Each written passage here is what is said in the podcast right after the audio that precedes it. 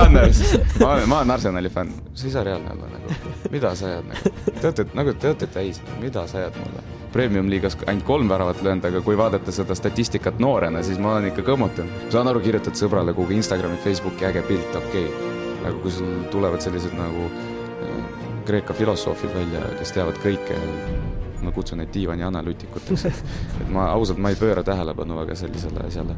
oh, mis asja, Eesti, oh kus, mis, see on riik või? see ei ole state, normaalne. et Tartus kell neli hommikul seletad, et sa oled ta parim sõber, näete esimest korda üksteist. No we'll take them for sure. nagu one hundred, Dominic, Dominic, Dominic, Dominic, et noh, kõik, me ei jõua juba lennukile.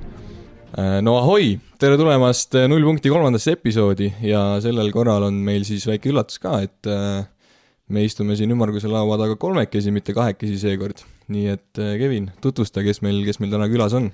teeme nii ta on mees, kes elab ja hingab jalgpalli rütmis äh,. mänginud seda spordiala tõenäoliselt terve oma elu ja alustas seda karjääri siis Tartu Jötka Merkuurist äh,.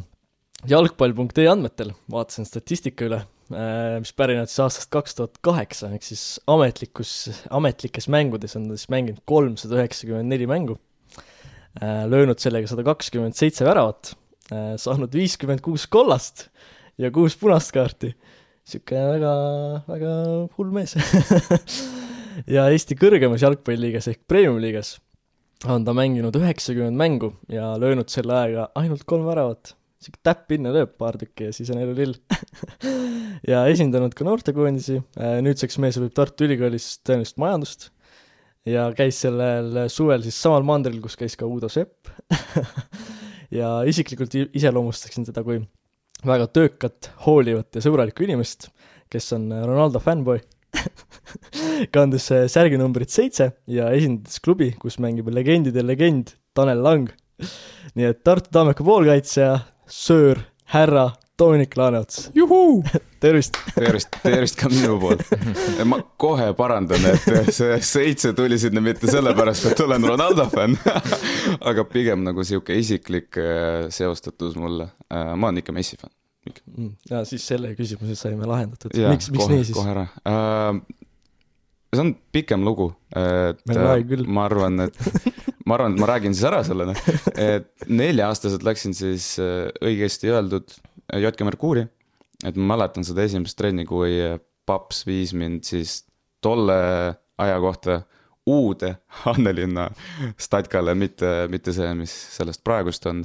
ja sellest ajast olen jah, ma ei tea, see statistika tundub väga huvitav kusjuures mm, -hmm. sest ma ei ole ise nagu kordagi kokku pannud neid numbreid. peaaegu nelisada mängu mm. -hmm. noorteliigadest kokku või? kahe tuhande kaheksandast kuni siis tänavuseni. siis ma olin seitsmeaastane. mm. -hmm. eks ametlikud mängud, eks seal ei ole tõenäoliselt mingeid sõprusmänge, aa mänge jaa, jaa, turniirid, asjad, Mhm. kindlasti. et seal ikkagi üle on, aga, aga Mhm. ametlikud mängud, mis siis Jalgpalliliidu lehelt leidsin. ja, ja, ei, see on, see on huvitav võib-olla jah. aga see, see number seitse, mul tegelikult, mis on naljakas, mu esimene number nagu te ei suuda pakkuda, minu esimene number on number kaks. mm..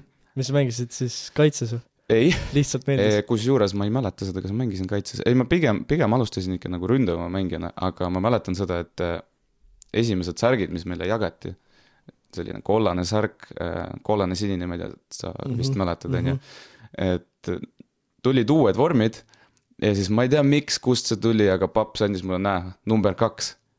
Võtsin selle särgi, vaatasin papsile otsa, vaatasin särgile otsa uuesti, siis ütlesin nagu ei, I will not do that ma vist natuke aega mängisin selles, aga ma siis muutsin ära selle. ma arvan, see ei olnud kohe seitse, see oli kas seitseteist või kakskümmend seitse, aga nagu number seitse on mul alati nagu olnud mm. lucky number, et äh, siiamaani favorite. oled nüüd päris pikalt jalgpalli mänginud, et äh, on nagu motivatsioonitase enam-vähem sama püsinud või on see kasvanud ajas, langenud ajas, et kuidas, kuidas praegu see nagu mõtestus, meelestatus on? mm. -hmm. Uh, ma arvan tänu sellele, et mul paps on terve elu äh, jalkaga seotud olnud, et suur fänn, vaatab mänge siiamaani uh,. mängida ise juba väga ei saa tervislike põhjuste pärast, aga ma arvan, ta on see inimene, kes andis mulle selle armastuse siis, kui ma väike olin nagu ma ütlesin, nelja-aastaselt siis viidi mind statkale, öeldi, näe, see pall on ümmargune, sina jooksed, lööd teeme ära. ja siis noh, sellest ajast alates ma olen, ma olen tegutsenud sellega. see tee on selline pikk olnud, ma ütlen ausalt, et ma ise, ma arvan, ei ole mõelnud selle peale nii, et, et äh, ma tahan mingit karjääri kunagi, ma olen lihtsalt mänginud. ma olen lihtsalt mänginud ja tuli hästi välja, nagu äh, minu partner ütles siin, kaaslane, et olen äh, premium-liigas ainult kolm väravat löönud, aga kui vaadata seda statistikat noorena, siis ma olen ikka kõmmutanud ma olen mänginud selline. jah, aastal kaks tuhat kaksteist on su parim hooaeg, tead, mitu väravat ka lõid? ma tahan pakkuda, et natuke üle kolmekümne. täpselt kolmkümmend? kolmkümmend, jaa, seda ma mäletan. sa olid siis ründaja? ma olin sihuke poolik ründaja, no mhm. vahetasime kohti, aga pigem, pigem nagu jah, selline nagu ründav, ründava iseloomuga mängija, aga no eks, eks sa tead ise, sa oled jalkapoiss ka mm, -hmm. et need äh, väiksed mängud äh, poole väljaku peal või veerandi väljaku peal, seal on see, et kui on natukene noh, suurem tasemevahe, inimesed oskavad või on käinud näiteks jalkas veits rohkem, et see vahe tuleb sisse, siis kõmmutadki mingi kümme vähemalt ära mm. -hmm. ja no sealt, sealt tuli, et mul oli äh, üks, üks äh, kaaslane, kes pani, ma arvan, see oli sama hooaeg või järgmine. ta pani mingi seitsekümmend, ma arvan, või kuuskümmend väravat mm. -hmm. et me kahe peale lõime suht palju ikka ja mm. aga tulles tagasi küsimuse juurde, siiamaani meeldib, meeldib, et ma ei oleks, ma arvan, tegelenud sellega, kui ma ei näeks sellest nagu mingit rõõmu. vaatad neid top tippjalgpallureid ka, et neid küsitakse, et kaua, kaua sa mängid veel, no ma ei tea, Modricid ja asjad, Diego Silva, kolmkümmend kaheksa, just vaatasin mängu. -hmm. no kaua sa mängid veel, no inimesel, see tekitab rõõmu inimesele, ma arvan, ta ei mängiks ainult raha pärast seda. no muidugi seal on mingi nagu rahaline aspekt ka mängus, aga ma arvan. Tammeka mängijana ei saa raha pärast mängida. Äh, see, jah, need summad on ikka teistsugused mm -hmm. ikkagi, aga miks me mängime seda, ma arvan, fännide jaoks, minu jaoks on alati see olnud nagu fänn. et võib-olla meil see community ei ole nagu nii arenenud, nii nagu top-liigades, mõttes seal Saksamaa, Prantsusmaa, Inglismaa, Hispaania mm, -hmm. Itaalia, on ju, kus sul on äh, inimesed, kes, ma ei tea, mängi-, valmistuvad sul nädal aega ette mänguks ja ma ei tea, poiss sünnib äh, perre ja kohe särk ette talle ja ei, first cones, dribble, dribble the cones, ei, my, my friend, my friend meil, meil on pigem jah, natukene nagu, kuidas ma ütlen, see äh, kaasatus on väiksem, aga ikkagi mina isiklikult alati nagu peale mänge, isegi kui need olid frustreeruvad mängud, ma olen läinud sinna nagu väikeste poiste juurde ja andnud patsu neil vähemalt nagu või mm, -hmm. või mingi autogrammi. meie jaoks, nagu paljud ei saa sellest aru, meie jaoks see ei ole nagu mitte midagi võib-olla. aga selle väikse poisi jaoks või tüdruku jaoks see on ikka nagu mälestus. sest ma mäletan ise, ma käisin väiksena Tammeka mängudel, no jumala vinge noh. tuleb see suur Karel Kiidron sulle mm -hmm. nagu müür tuleb, seisab ette, annab patsu, sa oled nagu yes, let's go, vaata, äge, super mm. -hmm. ehk siis äh, jätkad seni, kuni fänne on, kuni sul on võimalus inspireerida teisi noori ja sul nii-öelda on siis mingi, mingi impact äh, teistele, ehk siis senikaua jätkad, jah? Jah, jah, ma arvan, ma arvan ikka, et siin tulevikku ei, ei hakka nagu väga jooksma mm, -hmm. aga jah, võtame samm-sammult rahulikult. no mis su lemmikklubi on üldse? mängija oli Messi ju? mängija, eh, mul on kusjuures eh, nagu, see on pigem see küsimus, et kumb, kas Messi või Ronaldo, aga mul on lemmikmängijad nagu erinevaid olnud, ausalt öeldes, mulle kunagi meeldis eh, Osil räigelt, nagu assisti vend, vasak jalg paremal ainult toetusega vasaku jalaga tegi, mis tahtis. Äh, too meeldis räigelt mulle, et mul pigem meeldis, et mitte nagu enamusele, ma arvan, sellised nagu ründavad mängijad, mulle meeldisid just nagu poolikud, kuna ma ise olen ka poolik praegust ka, et sellised playmaker'id, assisti vennad mm, -hmm. et mõnus vaadata, et ma olen pigem seda tüüpi inimene, kes naudib seda musta tööd mm. -hmm. et see, mis eelneb sellele äh, väravale. et Özil oli üks nendest äh,, omal ajal oli las ma tuletan meelde veel. kusjuures Sanchez, Sanchez mm., Sanchez oli selline tüüp, kes oskas nagu mõlemat minu jaoks. Alexis mängib siis Interis praegust, kui ma ei eksi mm. -hmm. Äh, aga jah, noh, Messi. aga klubina? Või kes, keda, keda sa oled kõige rohkem klubina nii-öelda toetanud? Gunners, Jo Gunners. Ma olen, ma olen Arsenali fänn, ma olen Arsenali fänn, et need, kes tunnevad mind, need teavad väga hästi, et hommikul, kui riietusruumi astud sisse ja eelneval õhtul oli mäng, siis no nüüd nüüd tuleb, puid. Siit tuleb pikk vestlus, kuidas City kotti sai ja Arsenal võitis. No see on need viimased aastad viimased aastad. aga kuidas, kuidas oli siis, kui oli aasta kaks tuhat viisteist, kuusteist? ma ütlen ausalt, ma alles hakkasin jälgima neid siis, ei ma, ei, aasta aastast kaks tuhat kaksteist, parandan ennast mm. -hmm. ma arvan, umbes sealtmaalt. ja ma ei tea, kus, kust see tuli, aga ma arvan jällegi mu isa, kes äh, hakkas Arsenali mänge vaatama, just see hooaeg, ma ei eksi, see oli hooaeg, kus äh, see oli vist Thierry Henry viimane hooaeg. ma võin, ma võin eksida, siis kui ta tagasi tuli. ja siis sinna hakkasid äh, sellised vennad tulema nagu Esil, nagu Sanchez, et äh, need inimesed äh, põhimõtteliselt vastutasid selle eest, et miks ma hakkasin nagu Arsenali vaatama. et ma olin nagu suht väike ka, et ma väga ei mäleta võib-olla neid mänge, aga aastast kaks tuhat kaksteist, ilmselt mingi kümme aastat juba. käsikäes, see on see nagu see miim, vaata, et sa lased üheteistkümnel vennal enda tuju, vaata sõlt-, sõltub sellest, kuidas inimesed palli löövad, vaata. rikuvad terve su nädalavahetus ära ühe mänguga lihtsalt Eesti koondis. võib-olla võib-olla, võib-olla Aga..., sinna ma nii palju ei panusta võib-olla viimasel ajal, et seal on muutusi vaja. on sul, on sul endal ka meeles mõni selline heredalt särav hetk äh, mänguplatsilt, mis äh, võib-olla on kõige, kõige nagu meeldejäävam olnud läbi, läbi karjääri siis siiani mm,? ja siis minu mängust? jah yeah.. ma arvan, kõige nagu eredam mälestus, mis mul peas praegust läbi käib, on see U seitseteist, ei sorry, U, U üheksateist eliitliiga võit. see oli siis aastal kaks tuhat kakskümmend, kui ma ei eksi mängisime siis Leegioniga A Le Coqil. ma olen eelnevalt A Le Coqil olnud äh, U seitsmeteistkümne koondisega, aga nagu nii, et mängin, mängin terve mängu ja ma olin, mäletan, ma olin kapten ka. et see oli sihuke väga vinge nagu, Pohlak tuleb, annab sulle karika, surud kätt talle ja suur no, kõik... diktaator vestiga, vestiga mees tuleb, annab sulle patsu ja äh, see, et sa tuled sinna sinu võistkonnakaaslaste ette ja tõstad selle karika, et see oli nagu üli-üli-ülivinge. me ma... võistlesime ka U19 eliitliigas, tõenäoliselt mitte mm. samal aastal, aga aga siis jah, mingi hetk seal Tammeka võitis ja siis olid nagu, kurat, tahaks ise seal olla. aga kas sa suudaksid seda võitu näiteks äh, kirjeldada kolme omadussõnaga või emotsiooniga, mis, mis, mis siis valdas selles momendis? suudaksid seda teha või, või see on liiga vähe? kolme sõnaga ma arvan, ma ei suuda neid emotsioone nagu projitseerida siia, eriti sellesse hetke. see oli nagu mitu aastat tagasi juba, aga ma arvan, et ma ei tea, mul millegipärast jäi selline tunne, et me ei mänginud meie parimat mängu äh,. aga ma, ma saan aru, kust see tuleb ka, et natukene nagu background'i ka sinna, et meie tiim, mis koosnes põhiliselt siis kaks tuhat üks, kaks tuhat kaks sündinud meestest, et me mängisime juba esiliigat et me alustasime, no ma olin kuusteist, me alustasime esiliiga B-st. selle, umbes sellesama satsiga me tõusime esiliigasse ja siis äh, see oli vist terve hooaeg oli juba veetud, ma ei mäleta, kas oli teine aasta esiliigas või esimene, aga me mängisime esiliigat.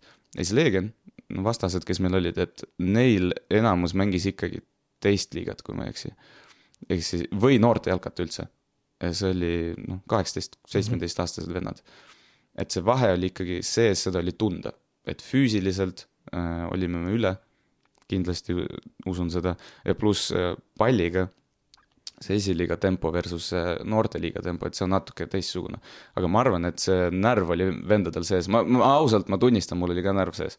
aga no mul oli pluss see ka, et ma, ma olen selline inimene, kes võtab alati kõike nagu nii tõsiselt kui võimalik, full, äh, full perfektsionist, ma olin kapten ka, et pidid näitama seda sisu, pidid näitama, pidid ikkagi nagu meeskonda endaga kaasa vedama.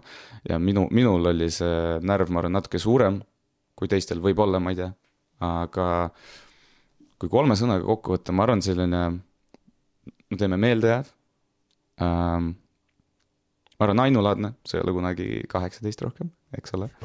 ja ma ei tea, magnificent, noh.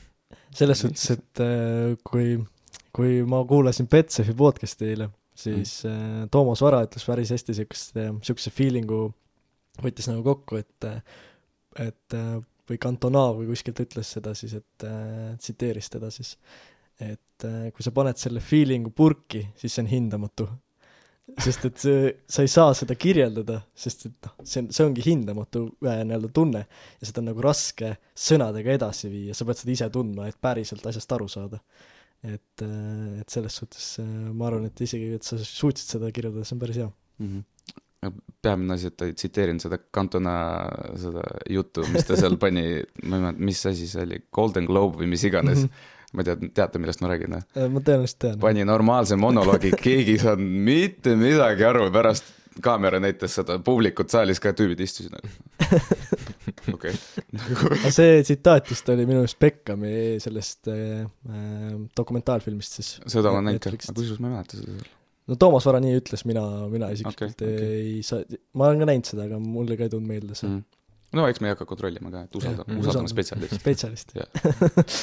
aga Merkuurist siis edasi mm, Mhm. -hmm. äh, ei vahetanud klubi, vaid klubi sai Tartu Tammeka ju. et see ühendus tuli ju, kui mina, mina täpselt aru sain, et see Äh, klubid ühendusid äh, nii Merkuur kui ka siis Maag Ta-, Tammeka. nii palju, kui ma mäletan, seal ei olnud mingit ühendust vist tehtud tolleks ajaks, kaks tuhat kaheksa minu meelest äh, tuli see ühendus, kaks tuhat kaheksa. okei okay,, sa räägid siis põhimõtteliselt esindusmeeskonnast, on ju? jah, et mina olin seitsme-kaheksa-aastane, ma ei mäleta, see, ma mäletan küll, et seal oli mingisugune ühendus seda, tehtud. seda, et sa nagu ei teinud transfer'it, vaid see ühendus nagu tuli lihtsalt. mul pigem oli transfer, aga no seal on pikem lugu taga, et see noh, esialgu ma ei pidanud nagu transferiga minema.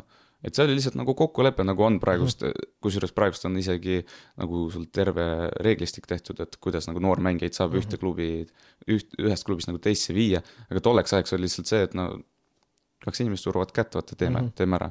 või noh, vanemad tahavad, sorry, ma ei tea, Tammelinna kolida, et mm. -hmm. ma lähen teisse klubisse, vaata, no sa tead, kuidas see toimub. Mhm. ja mul oli põhimõtteliselt sama, aga sellest tuli natuke noh, noh, koledam story välja, et seal ei suudetud nagu kokku leppida, lõppkokkuvõttes siis minu teada nõuti mingit raha, aga lõppkokkuvõttes keegi midagi maksnud. aga jah, sinna, sinna ma läksin ja peale kaheksat aastat, siis ma olin, ma olin kaksteist vist on ju, ja ma pidin kaksteist olema, kui ma esimest korda Tammeka trenni läksin. Jah. kuidas üldse Tammeka kui struktuur või selline klubi nagu sobib sulle või kuidagi, kas seal on mingid miinused, plussid või kuidas sa üldse seda Tammeka kui struktuuri nagu hindad? Mhm. No minu jaoks nagu esiteks, esiteks natuke Merkuuri äh, taustast ka, et te saaksite aru, et see on päris väike klubi. et tollel ajal seal olid head vennad, seal oli väga palju andekaid noori, meie võistkond ka kaks tuhat, ma mängisin kusjuures enamuse ajast Merkuuris mängisin aasta vanematega. Ma olin kogu aeg back-up'iks seal, ma olin nii väike, et mind ei lastud platsile isegi ma. tean seda tunnet. ja, ja no me oleme talking about jah. ja siis mind ei lastud enam platsile kuni mingi kindla vanuseni, ma ei, ma ei hakka valetama, mis see oli juba. aga see klubi tegelikult oli koosnenud põhimõtteliselt äh, Annelinna kooli äh, poistest.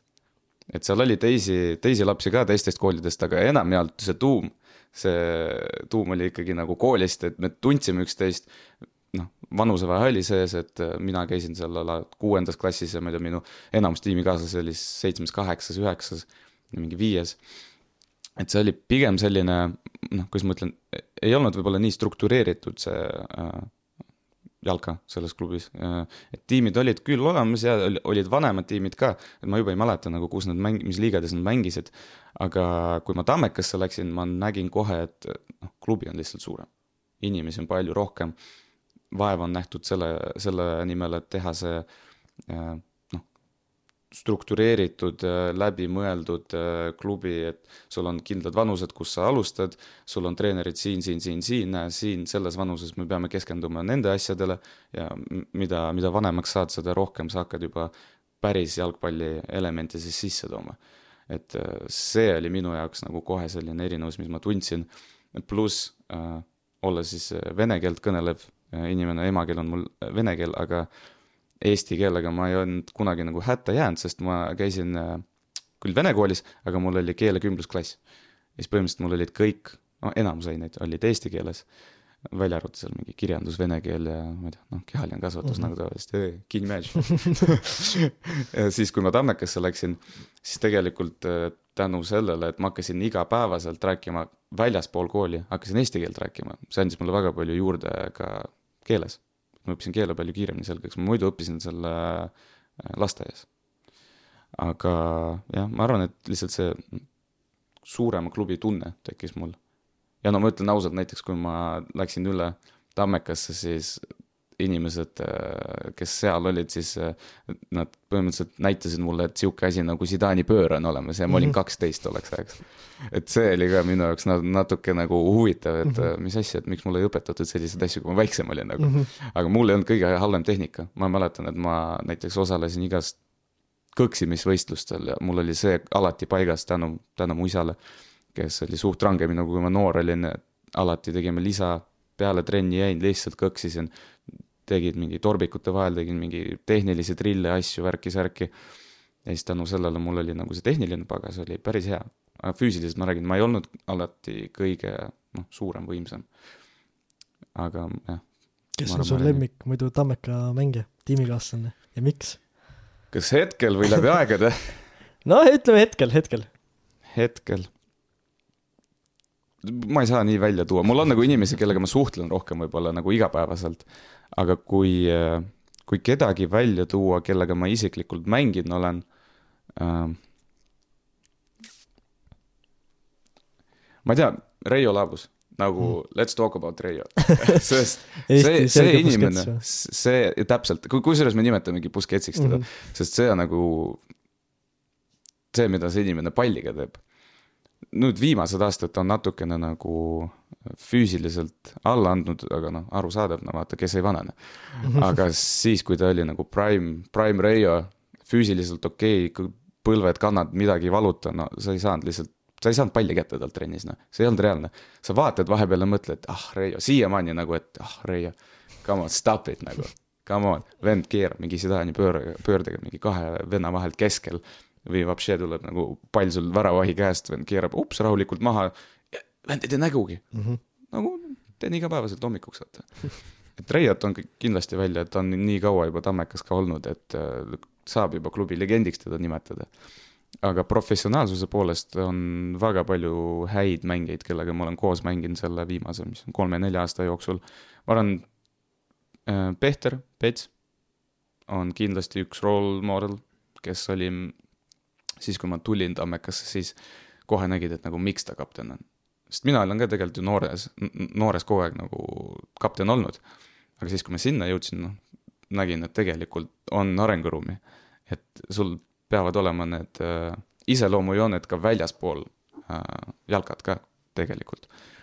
aga jaa, neid inimesi on väga palju, no praegust ma, ma saan väga hästi kõigi, kõigiga läbi. No kuidas on mängida legendidega nagu Taio Tõniste, Sander Puri näiteks, kuidas, kuidas nagu see tunnetus on, kui esimest korda näiteks trenni tulid nad, siis mm -hmm. kuidas sa ise tundsid, et ikkagi koondise, koondise legendid nii-öelda? see, see on hea küsimus, kusjuures, sest äh, ma mäletan sellist asja, et meil oli jällegi mingi kõksimisvõistlus oli, lõunake-, lõunakas. ma ei tea, miks see lõunakas oli ausalt. aga äh, mina olin, ma ei tea, ma arvan, mingi neliteist või midagi sellist või viisteist äkki, isegi noorem. ja Mait Toom ja kas oli Taio Tõniste või ei olnud, ma seda ei mäleta, vist oli. aga Mait oli tollel ajal Floras mm.. Imo, Imo, Imo oli Floras. Flora või Paide või midagi siukest. Flora või Paide oli vist Floras isegi mm. jah. ja ma panin, of course ma panin kinni selle ürituse lõpuks, lõpuks läksin, kõksisime nii kaua, et öeldi, et no nüüd põlvedega. okei okay,, saime hakkama, no nüüd peaga ja seal inimene vajus ära, no mm -hmm. mul Ronaldinho touch, noh tagasihoidlikult. ei, tegelikult jah, oli, oli suht fun oli ja siis peale seda me jäime autogramme küsima ja siis mäletan, Mait oli seal ja oli vist Taits ka. ja see oli mu esimene kokkupuude nendega ja no praeguseks, Mait on väravahti treener meil, Taits mängib minuga koos tiimis. Või noh, sorry, mina mängin Taitsiga, mitte Taits minuga et ma ei oleks nagu arvanud elu sees, et ma saan mängida nagu selliste inimestega koos nagu Taio Tõniste, Sander Puri, Maito, Maiduga sain ka mängida natuke, siis enne seda, kui ta siis treeneriks hakkaks. siis keda ma saan veel nimetada? Tanel Lang Tanel ah,, vana hea legend Tanel Lang, shout out Tanel ja, ja Viljandi, Viljandi gäng. Gerdo Juhkam. Gerdo Juhkam muidugi, muidugi, aga ei, väga vinge, nagu kusjuures minu jaoks ei olnud isegi midagi nagu väga ulmelist, sest noh, need on su tiimikaaslased. et of course nagu räige respekt oli, aga kui trenni, trenniks läheb, siis sa teed trenni, lihtsalt sa keskendud enda asjadele, aga no ikkagi nagu kuulad neid inimesi, sest ko- kogemus, noh, kogemuse pagas on nii suur lihtsalt. Tai on olnud Norras mitu, mitu, mitu aastat ja sama Sassil ka, no üheksakümmend kaks koondise mängu, noh, muidugi sa kuulad neid. kui sulle puit pannakse, siis sorry, nagu ära vaidle vastu, please aus, aus, aus. Mm, mis on need äh, võib-olla harjumused või sellised elumotod, mis sa oled äh, spordist kaasa võtnud oma igapäevaellu? Mm. -hmm. nüüd siis olles ülikoolis võib-olla on, on mõni asi nagu kasuks tulnud, äkki? Äh, kindlasti, distsipliin, see on üks asi, ma arvan, mis sportlaste puhul väga aitab. et ma vaatan enda naabreid, enda kursakaaslasi lihtsalt, no on erinevaid inimesi, sa näed inimesi, kellel on mingisugune sporditaust all ja kellel ei ole, lihtsalt distsiplineeritumad, nagu asjad on paigas. sa saad sellest väga hästi aru, kui sa lähed isegi no ühikasse ja vaatad nagu, kuidas inimesel ruum välja näeb. Et ma arvan, mul see kindlasti oli üks nagu noh, aspekt, mida ma läbi aastate olen arendanud. ma ei tea, lihtne näide on mingi koti pakkimine, noh. iga, iga nädalavahetus, no lähed turnale või lähed kuhugi mängule, vaata, pead kogu aeg asju pakkima, noh. mul on inimesi olnud, kes äh, mingi neljateist, viieteist, kuueteistaastaselt äh, ei pakkinudki kotti, emps pani nende asju sinna kotti, no mul alati, ma, ma arvan, nagu mingi kaheksast, üheksast hakkasin ise neid asju tegema, kindel süsteem, kõik peab, ma räägin, ma olen nagu perfektsionist, räägib pedant, noh. räigelt igav, aga nagu elust minu meelest aitab väga palju um,. siis mis ma veel välja tooks ma arvan, kusjuures äh, pärast vist ilmselt jõuame selle teema, USA teemani mm, -hmm. aga Mhm. see failing, mängude kaotamine ja see, kuidas sa reageerid sellele. no, no ime, et nagu ma olen mänge kaotanud ja väga palju enda karjääri jooksul, aga seda saab nagu paralleelina tuua ka ellu, noh, tavaellu, et sul on asju, millega sa ei saa hakkama võib-olla, kus sa põrud läbi lihtsalt. ja inimesed tavaliselt frustreeruvad. üldjuhul, on ju. et minuga oligi see, et ma õppisin läbi aastate äh,, kuidas ma ütlen siis, ennast nagu vaimselt häälestama nii, et jaa, ma olin frustreerunud, absoluutselt äh,. iga inimene võib frustreerunud olla, aga mida me võtame sellest kogemusest. et see oli minu jaoks nagu üks õppetund, mida ma see aasta tegelikult ka USA-s äh, rakendasin väga palju äh,. et see kuidas sa reageerid põhimõtteliselt fail imisele. sama on ülikoolis, sama on, ma arvan, suhetes igal pool. Et need, need kaks asja, ma arvan, peamised, aga ma arvan, ma tooks ka sõpru välja, ma tooks välja ka tegelikult ägedaid reise, et sport annab sulle, spordiga saad ikka nagu reisida normaalselt, ma ütlen ausalt. ja eriti, kui koondises oled, et need ajad olid nagu golden ajad, noh. mäletan, oled koolis ja siis tuleb, vaatad seda meili koondise kutse. Ah,, saab, saab jälle reisida kuhugi. Mata vihik nurka ära ja ei, see, see läks nädalaks ajaks vist kuhugi kotti, vapšee kappi ära, noh. para-, pärast, pärast on see, et tuled tagasi, mõtled mingi sihuke hunnik kodutöid, mõtled, okei okay,, kus ma nagu, millega, kust, miks, vaata. nädal aega lihtsalt ei teinud mitte midagi ja siis tuled tagasi, ah, peab jälle tööd hakkama tegema. nii et kool veits segab. Kool segab jah, for sure. ma olen kuulnud sellist asja, et eh, kui kool hakkab eh, või õppimine hakkab jalgpalli segama, jäta õppimine ära. ja jäta, jäta õppimine ära, ma olen ka kuulnud. ma olen rakendanud sellist asja.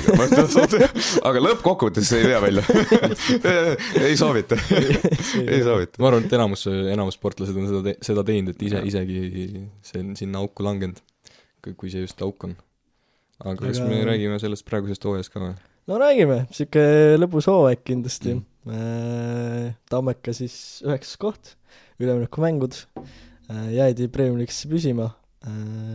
võtaks nagu täiesti algusesse, kuidas jaanuaris, eelmine aasta jaanuar, et milliseid eesmärke üldse Tammeka nagu püstitas endale?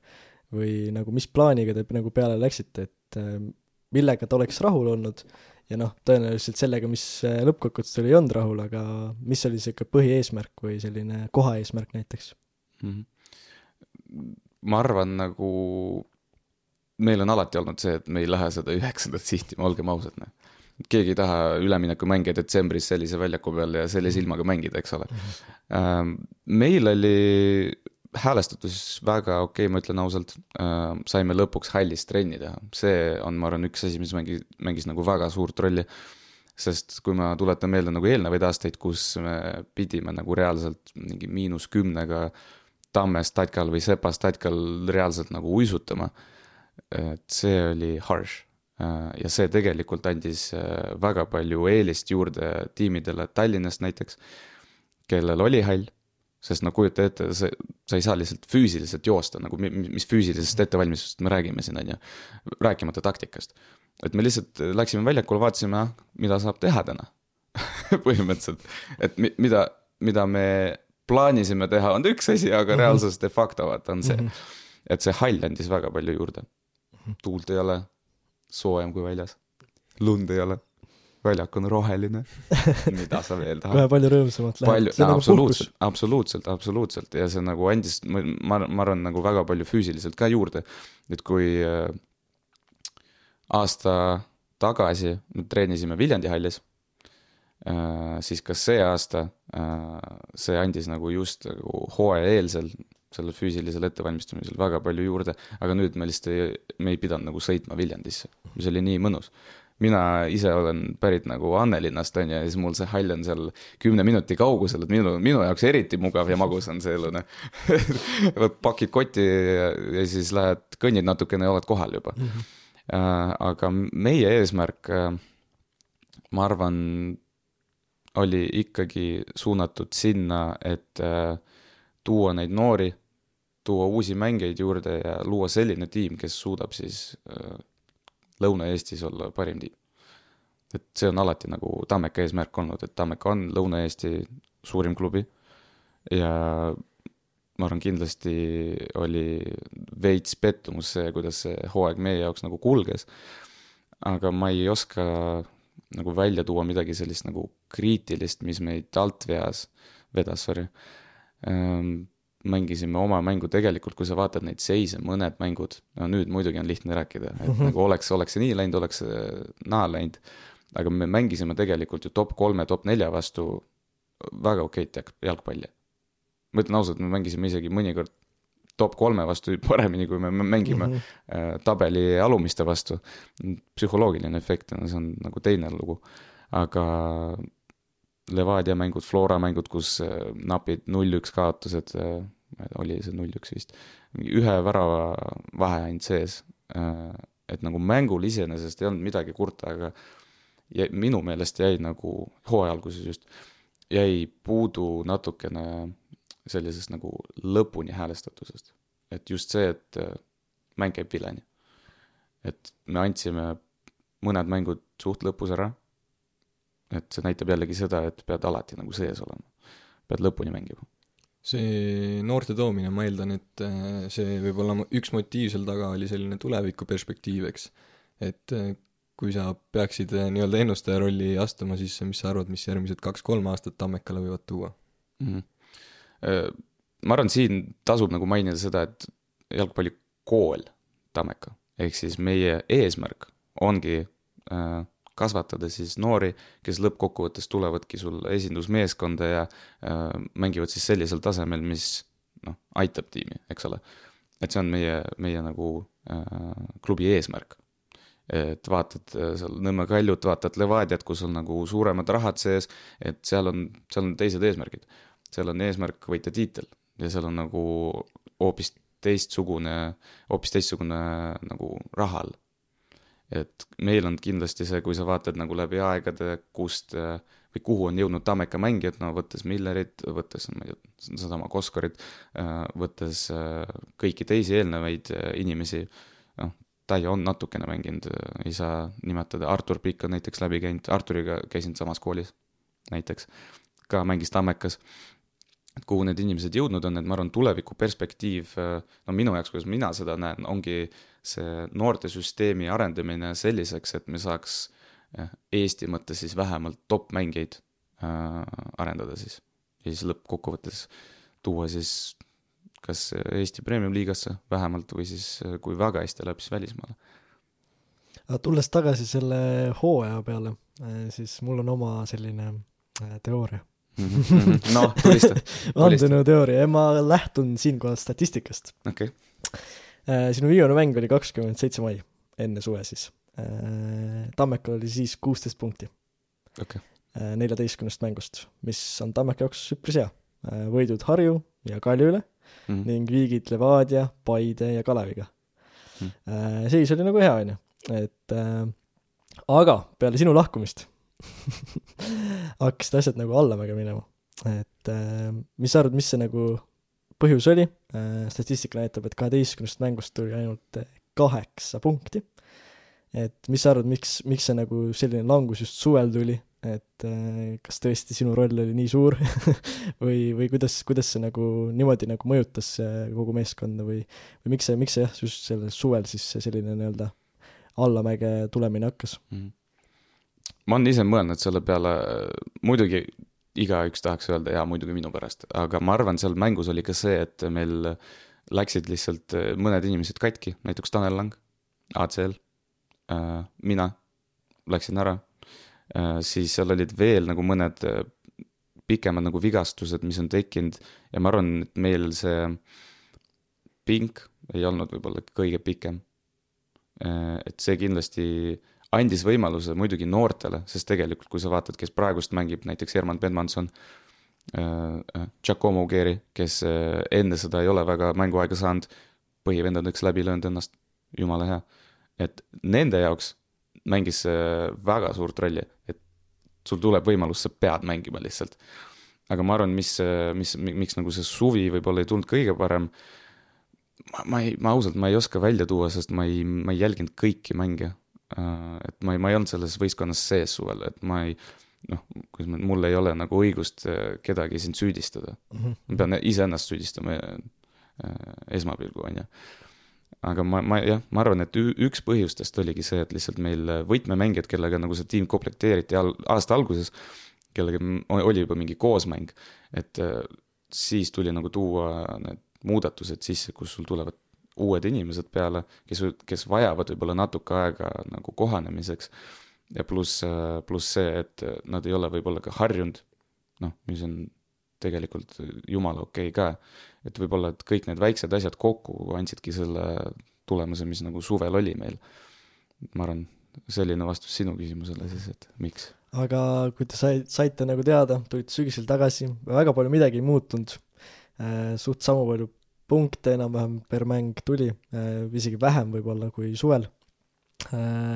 aga tähtis võit Harju üle äh, hooaja viimasel mängul, kus oli räigelt publikut, mm. -hmm. isiklikult olin kohal, et äh, mis tunne oli äh, nii-öelda minna vastu üleminekumängudele, et äh, kui see nagu saite selle võidu kätte, jess, jäime nii-öelda üheksandaks, mitte kümnendaks, aga kuidas, mis häälestusega või kuidas te nagu selle üleminekumängu peale just Viimsiga hakkasite mõtlema ja mis, ja kuidas see sind mõjutas just siis, kui nagu Viimsi võitis üks-null Narva Transi näiteks äh, karikamängus? et kuidas, kuidas see nagu tiimi mõjutas ja kuidas te ette valmistasite? mm. -hmm. mind isiklikult see ei mõjutanud, ma arvan, väga kuidagi, ausalt öeldes, sest äh, esiteks ma ei mänginud seda mängu Harju vastu, et minu jaoks oli see natuke valus vaadata tribüünilt seda mängu. ma sain siis vigastada Pärnu mängus äh,. väike tagareie, tagareie vigastus mul oli äh,. see oli kindlasti lihtsalt töö, mida oli vaja ära teha, ma võtsin seda niimoodi et me ei võitnud liigat ega midagi. aga peale mängu ma ütlesin mõnedele vendadele ka, et nagu mehed, meil on kaks mängu veel. täpselt sama ütles ka meie peatreener Martti Pähn, et mehed, super, aga meil ei ole hooaeg läbi. Et ma arvan, enamusel oligi selline häälestus, et see oli muidugi jah, super, et me võitsime, pidime võitma, nagu ma ei näinud teist varianti seal, et me ei võida. nagu no chance. täpselt sama tuli ka klubi juhatuse poolt, et mehed, siin on all or nothing võit oli käes, aga töö ei olnud tehtud. mul tuleb siinkohal tuleb äh, Kobe Bryanti mingi intervjuu, kus äh,, kus nad juhtisid vist, kolm mängu on võitnud juba. ja siis talt küsiti nagu, et noh, kuidas on tunda ennast, et tehtud. vend vaatas kivi näoga, ütles, ütles ma ei tea, mul ei ole midagi tehtud veel. täpselt, ma arvan, täpselt sama tunne oli kõigil meil. et oli võib-olla natuke lihtsam äh, vaimselt, võib-olla saime hingata korraks, aga siis tulid uud, uud kaks mängu peale ja esimese mängu peal nagu nägid, me tulime, me tulime nagu lihtsalt lammutama, nagu seal ei olnud muud varianti. isegi sina lõid värava? absoluutselt, absoluutselt peaga, mida ei juhtu põhimõtteliselt kunagi. et mina peaga värava löön, aga no ma mängisin ka sellisel positsioonil, kus ma olen Tammekas mänginud, ma arvan, kaks või kolm korda enne seda, et ma olen ääre peal, mind, mind on pandud äh, ka Miguel Santose käe all. Aga tipuründeks väga ei ole, ei ole nagu ma mõeldud, ütleme nii, et mul endal ise ka meeldib nagu poolikus rohkem mängida. et see on natuke teistsugune nagu mõtlemine, et mida sa teed, kuhu sa jooksed. aga jah, viis-null, SM mäng oli tehtud, teine mäng no, läks koledaks, ütleme ausalt, läks koledaks, aga jällegi, miks, kõik on vaimsest. häälestatus oli vale, minu meelest. teine mäng, jah, sul on null viis. noh, siis Viimsile null, meile viis, aga ikkagi, sul ei ole tehtud midagi. ega no õnneks kõik hea, mis lõpeb hästi, on ju, just. ja siin me oleme. aga kuidas äh, nii-öelda uue hooaja plaanid on, mingeid pakkumisi, jätkad Tammekas, mis, mis plaan on? hetkel ma seda infot väga ei hakka avaldama, aga ma arvan, et ikkagi jätkan Premium liigas, kindlalt, kindlalt. väga hea, No sihuke olgu. pealkiri. aga me oleme jalgpallist päris äh, pikalt juba rääkinud, et äh, liigume näiteks siis äh, Southwesterni ja USA reisi juurde, mis sul siis nüüd suvel oli. üks, üks põhjus siis, miks sa ka Tammeka ridades suvel ei mänginud, eks ole. ja alustaks siis võib-olla sellest, et miks sa, miks sa üldse otsustasid minna sinna ja mis sa lootsid saada sealt? ja mis, noh, alu-, alusta täiesti algusest, mis see on, mis tegid ja kuidas, kuidas, kuidas kõik käis? mm. -hmm. Mm, ma arvan, see algas selline kaks aastat tagasi, midagi taolist. ma olen sellest programmist tegelikult kuulnud juba, ma arvan, neli aastat järjest. iga aasta on helistatud mulle läbi sõprade ja läbi tuttavate ja siis ma mäletan üks aasta, kuna mulle helistati peale trenni, liigun bussi peal rahulikult ja siis äh, seisan ja siis tuleb mingi huvitav number, nagu okei okay,, võtan vastu ja siis hakatakse mul rääkima sellest, et ju selline, selline programm, et nagu tahaks nagu rääkida natukene lähemalt, et äh, saaks kokku äkki, et ajaks veits juttu ja ma nagu, mida, lõpeta. millest sa räägid, come on, mul on nagu, mul on trenn, mul on kodutöid vaja teha veel, come on, ma lähen koju puhkama. kõne kinni, ütlesin ei, ei, siis nii ütlesingi nagu kolm aastat järjest põhimõtteliselt. et see number ikka rippus neil andmebaasis seal suht kaua. ja üks hetk äh, mul oli, ma arvan, peas käis see mõte lihtsalt, et ma olen nagu nii noor, pluss äh, mul olid mõned küsimused mu tuleviku osas, et mida ma tahan teha edasi. et üks hetk ma mõtlesin nagu, et võiks midagi uut proovida, et mul oli, ma ei taha öelda nagu mingi mõtete kriis, aga mul, mina isiklikult tundsin, et ma olen mingis nagu mugavustsoonis. Et ma arvan, et paljud inimesed saavad nagu relate ida minuga. et nende elus tekib sellist olukorda, kus sa tunned nagu, et sul on kõik hästi, aga kinda nagu tahaks midagi, tahaks midagi uut, tahaks lihtsalt proovida midagi, onju.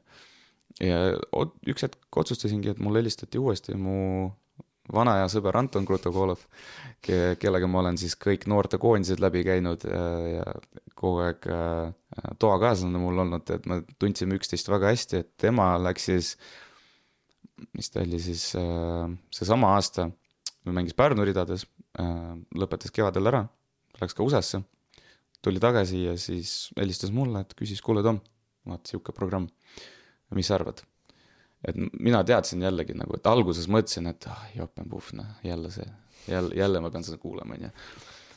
aga siis ma ütlesin talle, et davai suve, tule räägi nagu.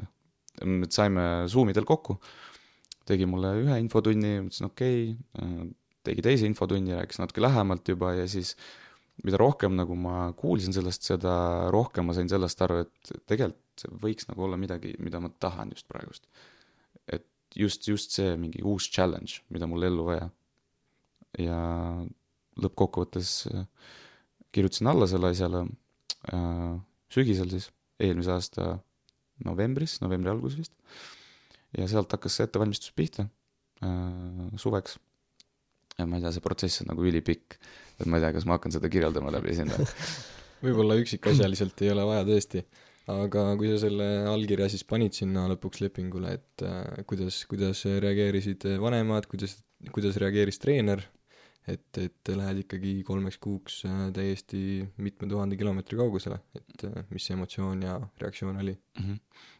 vanemad reageerisid väga hästi äh,, ausalt öeldes nagu super supportive.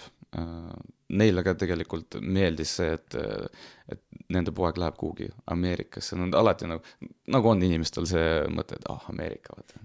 Golden, golden country, vaata mm. -hmm. American dream. American dream, ja, ja, ja, et nemad toetasid kahe käega äh, et ma alguses nagu isegi võib-olla natukene nagu kartsin nagu seda reaktsiooni, aga lõppkokkuvõttes kõik rääkisid jumala keelt, noh, välja arvatud mu vanaema, kes muretseb minu pärast liiga palju et, et ta, talle ma räägin, talle ma ütlesin natukene hiljem nagu, et ta tervist nagu hoida.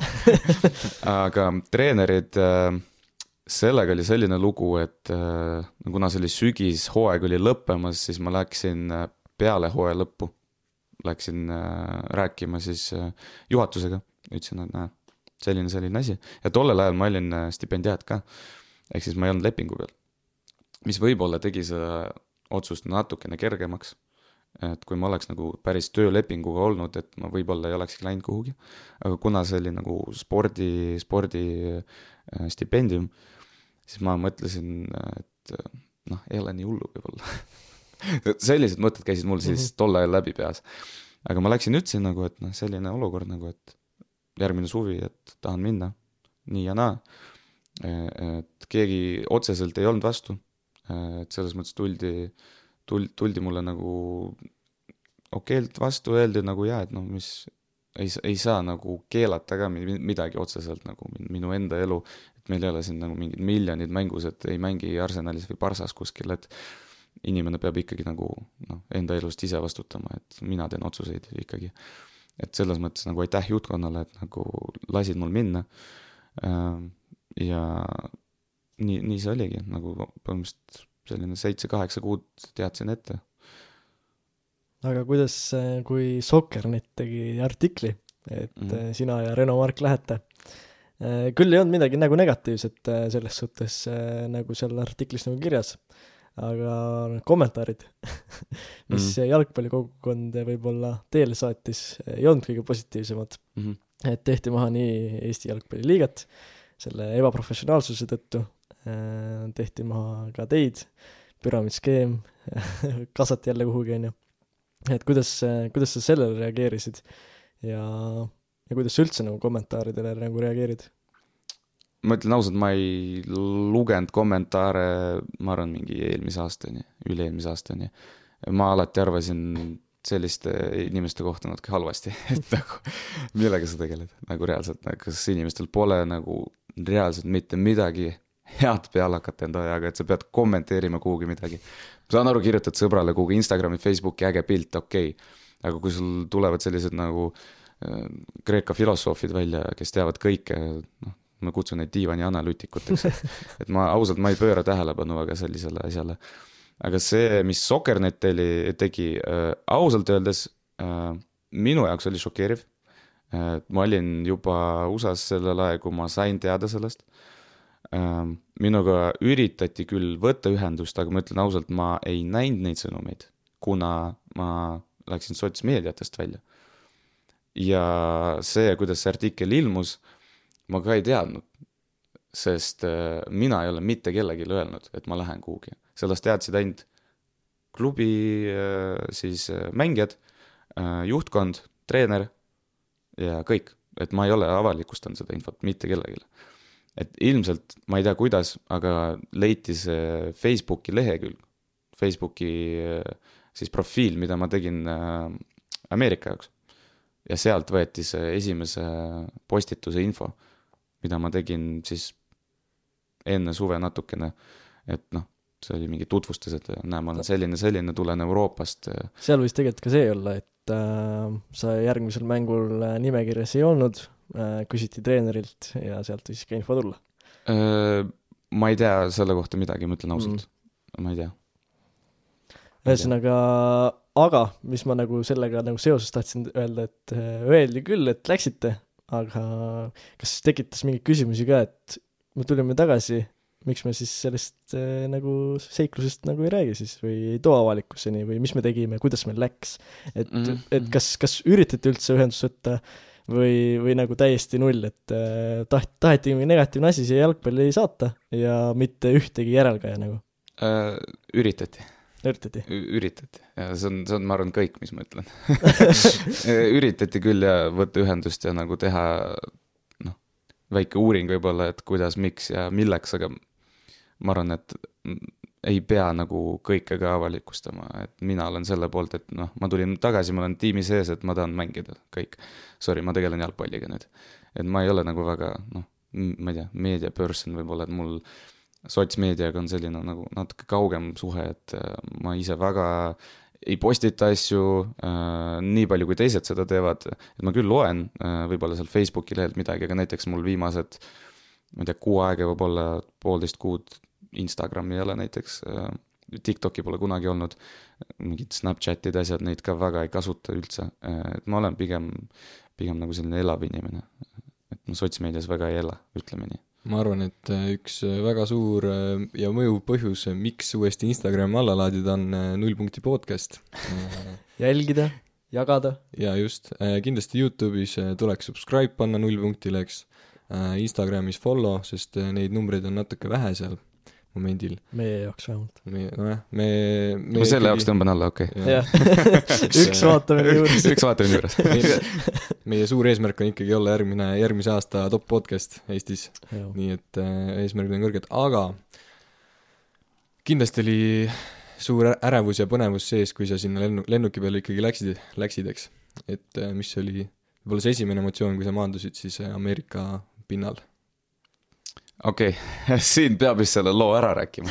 see, kuidas ma USA-sse läksin. ma vaatan, et Kevin naerab siin, sest ta teab seda lugu aga ma arvan, enamuse jaoks tuleb see üllatusena. oota, ma räägin alguses siuke back story ka siis. okei okay,, jah, räägi, räägi ära. et kui mina jõudsin äh, lennujaama, siis äh, läksin siis sinna check-in'i ja vaatan, et oi, Dominic seisab ja seisab ja seisab ja ei saagi minema ja siis juba oli, juba mina olin järjekorras seal ees ja siis sain minema ja siis see Tomik natuke midagi naeris ja siis okei okay,, vaata, jõudsime kohale ära. Äh, Rootsis vist enam sind ei näinud, minu meelest. ja siis, äh, kui jõudsime nii-öelda siis äh, koha peale Nashville'i, siis ma vaatan, et Dominikku pole. me tulime umbes sama lennuga, samade, noh, ajaliselt suht sarnaselt, et mis toimub, vaata. ei osanud kellelgi küsida ka, vaata. ja siis mingi hetk vaatan, vend tuleb joostes joo, mina siin, olin mida värki. et noh, see on minu sihuke back story, et ma ei saanud mitte midagi aru. Enam ja, ja ma arvan, enamus ei saanud mitte midagi aru, mis toimub nagu, aga ja no ma räägin ära siis selle, et suured ettevalmistuse, ettevalmistamised, davai, let's go, USA-sse läheb, nagu ma olen selline, nagu ma ütlesin varem juba, et ma olen noh, distsiplineeritud inimene, perfektsionist, et mul peab nagu kõik korras olema, valmistada ette ennast, kõik asjad, davai, dokumendid olemas, nii, nii, paberid prinditud, okei okay,, super. davai, see tehtud, kõik kaasas, norm see oli siis kakskümmend üheksa mai, on ju? jah, kakskümmend üheksa läksime, enamus läks kakskümmend üheksa. Mhm. et meil oli, meil oli isegi hotell bronnitud äh, samaks, noh, ei, samaks päevaks, ega seal on seitse tundi taga mm. -hmm. see oli bronnitud, siis ma pidin seal tegelema mingi muu kamajaga selle hotelliga, ma pidin vist nagu kellelegi raha edasi andma või midagi sellist. ja no igatahes kõik on nagu valmis, vaata, davai, lendame USA-sse, ärevus sees, on ju. jõuame lennujaama äh,, lähen check-in'i, annan passi neile. Äh,. mul, mul ees oli paar inimest meie omadest, kes seisime samas rivis nagu mul taga oli, mäletan, Anu Erpson oli ja Marek Käsper ja paar inimest veel, et äh, ootasid, no davai, kiirelt on ju, štamp peale läheb. ja siis kuradi, kaua läheb noh. Kuidagi kaua läheb, no ta ei suuda läbi lüüa seda millegipärast nagu tal ei lähe see pass läbi, ta ei saa selle nagu ticket'i nagu printida ei tule, ei tule see pilet lihtsalt. siis ma nagu küsin nagu, mis toimub nagu, et ma ei tea nagu, et ei lase, ei lase lihtsalt. ma arvan, ma seisin seal mingi, ma arvan, kolmkümmend minutit, nelikümmend minutit vähemalt nagu. et ta helistas, no siis, kui nagu helistatakse sul juba, siis mul vaikselt lõi selle pulsi nagu ülesse. siis ma mõtlesin, okei okay,, mis siin toimub lõppkokkuvõttes ta ütles mulle nagu, et jah, mingi probleem on, aga ma lasen sind nagu pardale, et sa saad nagu Tallinnast äh, Stockholmi lennata. Äh, aga seal mine palun äh, SAS-i registratuuri, siin, seal on suurem lett, et räägi nendega, et nemad kindlasti saavad aidata sind. no ma ütlesin, okei okay,, nagu veits kauem läks, siis lähme kõik need eh, security check'id, asjad läbi, jõuame lennukisse. mina reisisin koos Renomargiga siis, võtsime samadele lendudele piletid ka. jõuame Stockholmi. kell oli, see oli hommikune lend on ju -hmm. kell oli mingi, mingi see... kümme tõenäoliselt ei, varem, varem, varem, varem, varem., lend läks mingi kümme midagi vist või mhm, üksteist mm -hmm. läks lend ja me olime kolm tundi varem kohal, ehk siis mm -hmm. see oli mingi noh, seitse. midagi siukest. midagi sellist, on ju. Läheme leti juurde, on ju, näed, kõik meie omad nagu Eestist äh, lähevad edasi, kes kuhu, kes mis lennule, erinevad lennud, keegi läks nagu Saksamaalt ja meie läksime äh, Rootsist ja ja siis äh, läheme sinna Sassi letti annan neile passi, ütlen nagu see, see mure, vaata, et millegipärast ei, ei antud mul piletit, nagu mingi probleem oli seal, ma ei tea, passiga, mis iganes, nagu et please help me. siis vennad hakkavad vaatama. ja sama, e, no ta lööb selle nagu, ta lööb passi läbi, aga talle ei anna millegipärast, mingi tõrge tekib igatahes. ja siis need tüübid hakkavad helistama nagu mingi viieteist, kahekümne minuti pärast. ei oota, alguses, ei, alguses ta, ta kutsus mingi abi, tuli mingi kaks venda juurde sinna üritasid kolmekesti teha seda. okei okay,, ei tule välja no,. kurat, vaikselt hakkab higi voolama Renno tuli minuga kaasa ka, et see, see on ka oluline, et Renno tuli niisama minuga kaasa, sest me pidime koos reisima, on ju.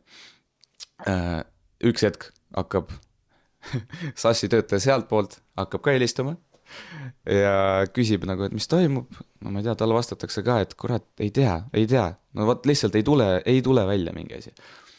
ja nelikümmend minutit, ma arvan, nad tegelesid selle murega seal äh, ja üks hetk, ma ei tea, miks, kust see tuli, aga me reisisime J1 äh, viisaga, et inimestele, kes siis ei tea, mis J1 viisa on, äh, tudengiviisa põhimõtteliselt, student exchange viisa.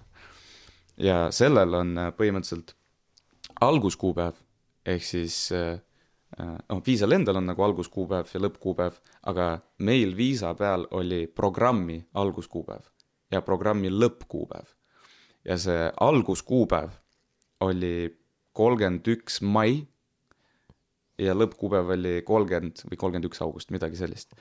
ja siis üks hetk sassi töötajad vaatab passi, kuule, imelik, teil on ju, viisa hakkab kehtima kahe päeva pärast. siis me olime nagu, mida?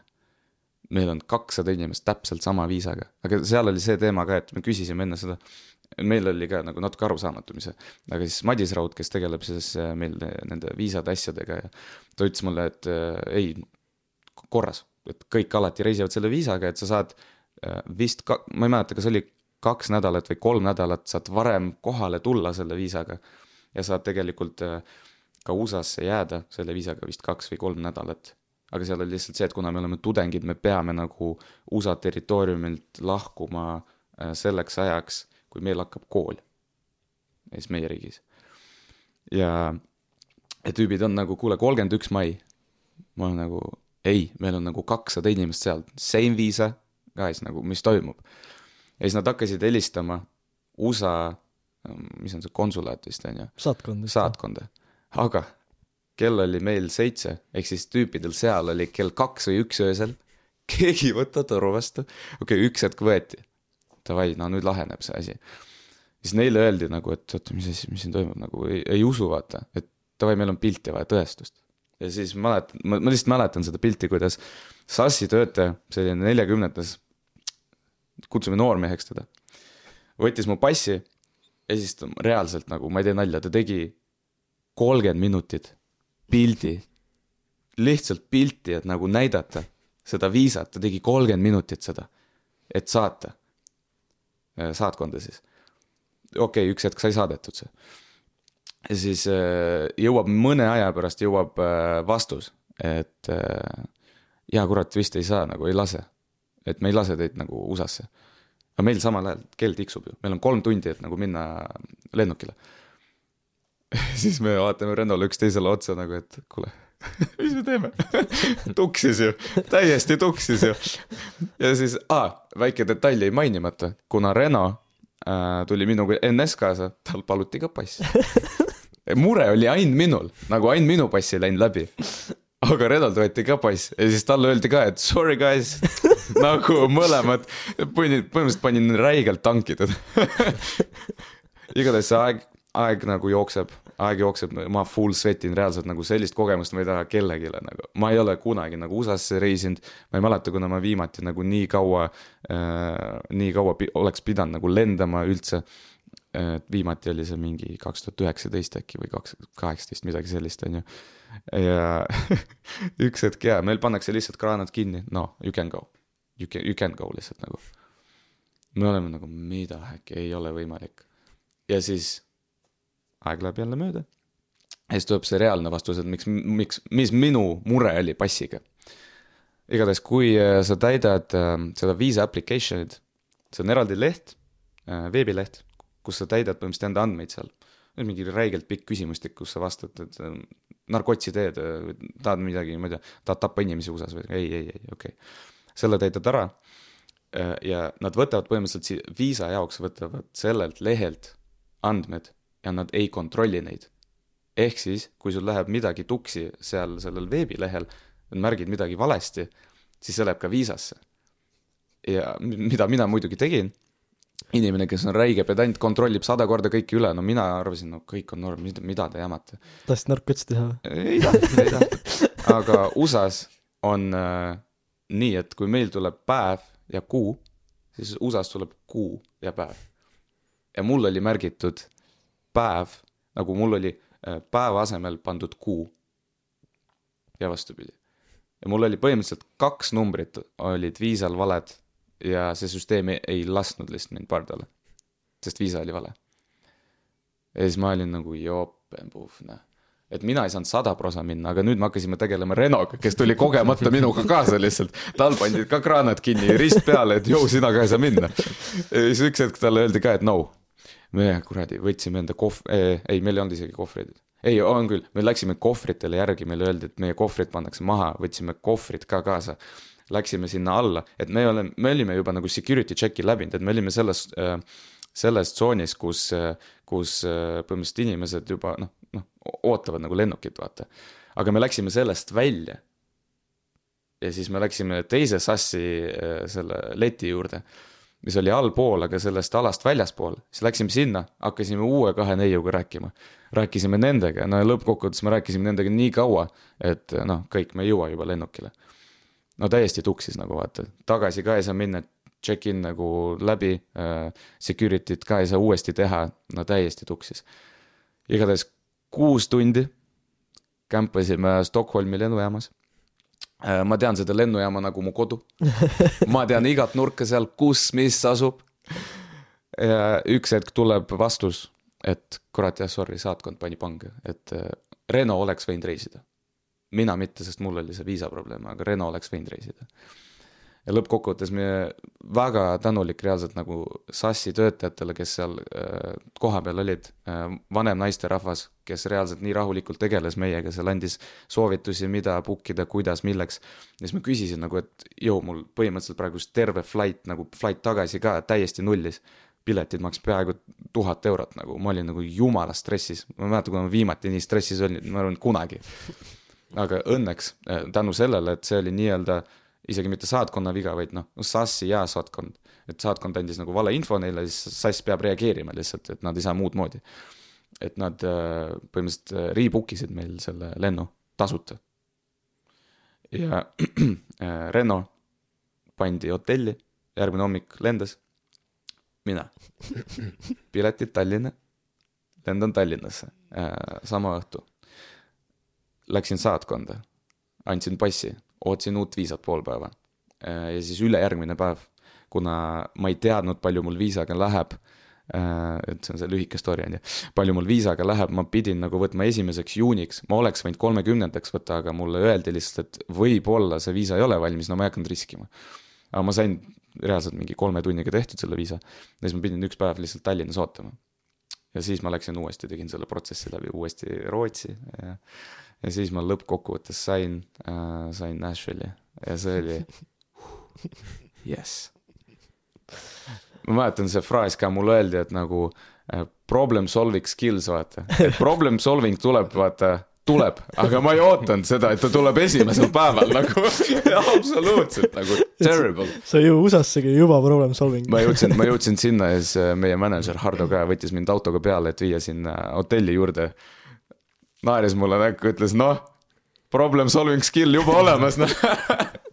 midagi taolist ja siis äh, jooksin sinna, vaatan, vennad jooksevad seal, panevad ringi ja harjutavad, mina jooksin teisel päeval kohale. ja um- umbe-, umbes nii, umbes nii see lend kulges mul ja, aga ülimõnus oli kusjuures see, et kui ma sinna lendasin, mul oli terve rida vaba, suht tühi lennuk oli kusjuures, nagu pool lennukit oli tühi, ma ei tea, miks. Aga ma põhimõtteliselt laiutasin. Ma arvan, sinna kaheksa tundi laiutasin kahe. sinna lennule läksidki need, kes ei saanud alguses minema. ma ei tea, võib-olla. ma loodan, ma loodan, et teistel ei olnud sama, sama suuri probleeme, nagu minul oli. aga räägitakse USA-s äh, või sellest SV programmist nagu hästi palju ka esimesest uksest, et see jääb alati meelde. kuidas sul äh, esimene uks, sales talk ehk siis müügitekst läks meelest ära või, või mis, mis sai esimese ukse taga? Essa ust, no nad, räägivad, et esimene uks jääb alati meelde, aga ma ütlen ausalt, et minu esimene uks oli sihuke, ma ei tea, kuidagi väga basic. mul ei, mul ei ole nagu mingi selliseid nagu emotsioone praegust tekkimas, kui ma mõtlen selle peale, et oh, midagi mingi räigelt ägedat või mingi full gamma hea juhtus seal. mul oli suht basic, läksin, koputasin ja ma mäletan, tuli selline, ma ei tea, kolmekümnendates mees vastu mulle. Hakkasin seda äh, müügiteksti siis esitama ja ütles mulle, et kuule, sorry, ma töötan, vaata, pani ukse kinni. ma olin nagu okei okay,, et nii see hakkabki välja nägema, et terve suvi ma hakkan saama siis näkku lihtsalt oli mu esimene emotsioon nagu. ma sain jumala okeilt hakkama, jalad värisesid, kõik värises. okei okay,, hingame. tuli, reaalselt mingi viisteist sekki, pani ukse kinni ja mõtlesin, okei okay., läksin järgmise ukse juurde see, see oli mu esimene kogemus nagu reaalselt, aga ma mäletan seda ust ja täp-, enam-vähem mäletan maja ka nagu suht nurga peal oli. no mina mäletan ka oma esimest ust ja ma tean täpselt, kus see asus, tuli mingi vanem naisterahvas tuli vastu Mm. mm., no oli siuke grandma põ- põhimõtteliselt, Mm. aga minul ei olnud küll nii, et ma tegin midagi hästi seal ei, ma, ma ei öelnud, kusjuures ma tegin hästi, ma, ma hakkasin lihtsalt müügiteksti, aga mul, noh, mul ei olnud mingi sellist asja, et ma lihtsalt nagu joke isin. ma hakkasin ikka ütlema midagi. mul müügitekst oli täiesti, Täiesti null jalad värisesid, Okei. käed värisesid. ja vend pani kinni ära, ma olin nagu täpselt sama, mida sa ka ütlesid. jõudsid, jõudsid öelda ka midagi? ma ütlesin jah, esimese, põhimõtteliselt esimesed laused üritasin nagu ära öelda, et hi, my name is Kevin, vaata no midagi sellist onju. ja siis pani kinni ära, noh, suht sihuke julmalt ütleks. ja siis sa oled seal nagu hmm,, nii hakkabki olema. ma tegin kohe plaksu ka seal, yes, let's go. Yes, olemas, first one. First out of many, let's ja go. nüüd hakkab tulema. nüüd hakkab tule-, ja, ja Ähm, ma usun, et neid olukordi oli noh, palju ja väga palju ja palju-palju, eks. aga kuidas sa siis ikkagi toime tulid nendega, et ikkagi kogu aeg pannakse uks kinni, saad seda vastuseks selle ei, et eh, kindlasti väga nagu koormavaks võis, võis see, võis see muutuda, kui sa ühtegi jah-sõna ei saa. et eh, kuidas sa sellega toime tulid? No ma ütlen ausalt, vaimselt äh, oli üks hetk selline tunne, et äh, no kõik, no maailma lõpp on. nagu mind, mind nagu valmistati ju tegelikult ette selleks, öeldi, öeldi, et sa mõtled, jaa, jaa, ma tean, vaata, lähme edasi, vaata, müügitekst, let's go. teeme tehnilist poolt, vaata. aga see, mida sa seal reaalselt nagu hakkad kogema, see on nagu hoopis teine asi. nagu absoluutselt teine asi. et ma mäletan, ma ei tea, esime-, oota, esimesed, ma arvan, neli päeva. iga päev läks järjest hullemaks, esimesed viis võib-olla isegi. nagu ain hullem, ain hullem, ma mäletan, ma seisin üks, üks, ma ei mäleta, mis päev see oli, aga esimene nädal kindlasti seisin lihtsalt nagu ma pidin nagu nii sügavalt hingama, kui ma suutsin üldse, et, et, et sõnu leida, sest mul oli räigelt, pulss oli laes, reaalselt higistasin nagu hull, nagu käed värisesid lihtsalt ja see reaktsioon oli pigem sellele, et äh, keegi ei taha rääkida minuga, vaata. ainult pannaksegi kinni nagu. et nagu mida ma teen, ma reaalselt nagu kartsin järgmise ukse, ukse juurde minna. ma ka-, ma kartsin seda reaktsiooni alguses ülimalt palju.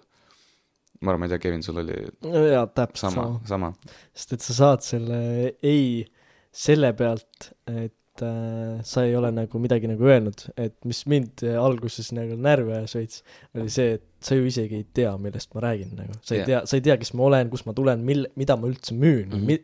äkki ma ei müügi, noh. sest nad ei Mhm. kuula ära sind Mhm. ja siis see hakkas küll sööma, et, äh, et siis hakkas mõtlema, et oot-oot, nad ütlevad ju siis ju kohe esimese reaktsiooni pealt minu pärast ära. jah, jah, et si- jah. see hakkas räigelt sööma. Mhm. ja siis sa mõtledki nagu, et jõu, kõik ongi nagu nii sitad inimesed, et nagu come on, kuulake ära, nagu sa Mhm. reaalselt, sa ei tea, mida ma teen. ja siis, ja siis ma mäletan seda, et kui ma hakkasin räigelt närvi minema inimeste peale, nagu miks, nagu please, just listen, viis mintsa, vaata. ja sest mul oli ülipalju nagu selliseid alguses, kes lihtsalt panid ukse kinni. no ta isegi ei kuulanud, vaata. hakkad mingi esimese lause ütlema poole pealt lihtsalt, not interested, kinni. ja seal seisad, mõtled nagu, jõu, mis toimub, vaata kolmkümmend kraadi lagi pähe ja, ja päike paistab nagu kütab reaalselt, ma olengi sihuke inimene ka, kes väga ei kannata seda kuumust. no th- thanks god ma ei olnud ku- kuskil Mehhikos, no ma ei tea, see oleks väga hull olnud. aga ja see ei saamine oli alguses suht koormav, ma ütlen ausalt, aga hakkad toime tulema äh,, räägid su mentoride, mentoriga räägid äh, noh, coach'iga räägid teistega ka, et küsid, kuidas neil läheb, täpselt sama asi, täiesti tuksis, noh. ja siis üks hetk sa lihtsalt hakkad äh, vähem läbi enda laskma seda. et sa, sa ei, ei süüdista rohkem inimesi, sest nad tegelikult, no nagu meil räägitakse, et nad ei ütle sulle ei, nad ütlevad nagu sellele, mida sa teed ei. Ja aga see ongi nagu kõige raskem, et mitte südamesse võtta seda. et ma arvan, see on üks asi, mis sellest programmist äh, mulle räigelt meeldis, on äh, see, kuidas õppida mitte äh, frustreeruma asjade üle, mille üle sa ei saa kontrolli võtta enda kätesse. ja muidugi see, et sa lähed ja lihtsalt teed edasi. noh, jällegi jalgpall, kaotad, on ju, oleks hea, lihtne, ma kaotan, davai, ma ei tee rohkem, ma ei viitsi, vaata. ma niikuinii ei võida rohkem. täpselt sama siin, korduste pealt, kõik on kordused mida rohkem teed, seda rohkem enesekindlust tuleb, seda rohkem sa õpid ennast tundma, seda rohkem sa üritad ennast kontrollida, enda vaimset ja emotsionaalset poolt kontrollida, mis on tegelikult selle töö puhul, ma arvan, noh, kõige, üks kõige tähtsamaid äh, aspekte. Et ma arvan jah, et see ei-de saamine alguses kindlasti raske, ma, ma ei ütle, et see suve lõpus oli lihtsam. ei, ei ole, ei ole. see on nagu see, et et see ei jää lihtsamaks, aga sa harjud nagu rohkem ära. sa harjud rohkem ära ja sa õpid nagu noh, paremini reageerima sellele.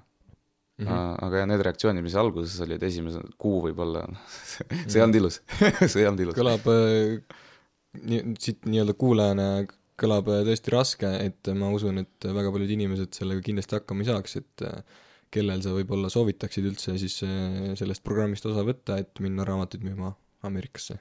Mhm. ma ausalt et öeldes ma ütlen kohe, et see ei sobi kõigile. aga ma ütleks igaühele, et mine tee ära. nagu kindlalt äh,. väga paljud soovitavad äh, ainult seepärast, et see on nagu nii ränk kogemus, mõtled ainult kolm, kolm kuud. noh, kolm kuud, ma ei tea, sa võid äh, suvel Tartus, ma ei tea äh, turgu või turul nagu mingi tööle minna ja ma ei tea, mingi maasikaid müüa, sa saad ka inimestega rääkida ju vaata. erinevad inimesed, no okei okay,, Tartus on võib-olla see, et iga teine on su tuttav, aga no see selleks. aga seal täiesti tundmatud inimesed, räägid võõrkeelt, noh, kelle jaoks võõrkeel äh,, siis õpid põhimõtteliselt ennast tundma, et it's, it's not about nagu selling books, vaata äh,. see on, it's about nagu becoming better person et mina kindlasti soovitaks, aga ma ütlen, et see ei ole lihtne, kindlasti. aga elus ei peagi lihtne olema, on ju. ilus oleks jah. elus oleks. see on see mugavustsoonist ka välja tulemine, et, et kui Mhm. sa oled seal mugavustsoonis äh, Eestis äh, omas keeles, omas keskkonnas, siis äh, sa ei arene nii palju ja selles kolmes kuus seal äh, nii-öelda suvel USA-s olles sa oled keskkonnast väljast, oma lähedastest mm. väljast, täiesti teine keel, täiesti teine kultuur, et äh, see just arenguhüpe, kui ma arvan, et kolme kuu jooksul nagu väga midagi muutuda ei saa, on ju, siis äh, just selle programmiga see nii-öelda see kolm kuud, see on nagu räigelt selline ülesmäge minek arengu mõttes just, et äh, päris suur muutus äh, toimub kolme Mhm. kuuga tegelikult seal. no siin ma ausalt öeldes ma peaks mainima seda tegelikult, et see on kõik täiesti kasutu kui sa ei rakenda neid asju, mida sa sealt õpid mm. -hmm. et ma enda peal praegust tunnen ka, et see, mis ma õppisin seal, cool, see noh, teadmiste pagas on palju suurem, aga see, kui sa ei rakenda seda ellu, no see, see ei vii sind mitte kuhugi, on ju. Et see rakendamine, ma arvan, on isegi raskem kui arusaam sellest, mida, millega sa oled hakkama saanud. sama nagu raamatute läbilugemisega, on ju.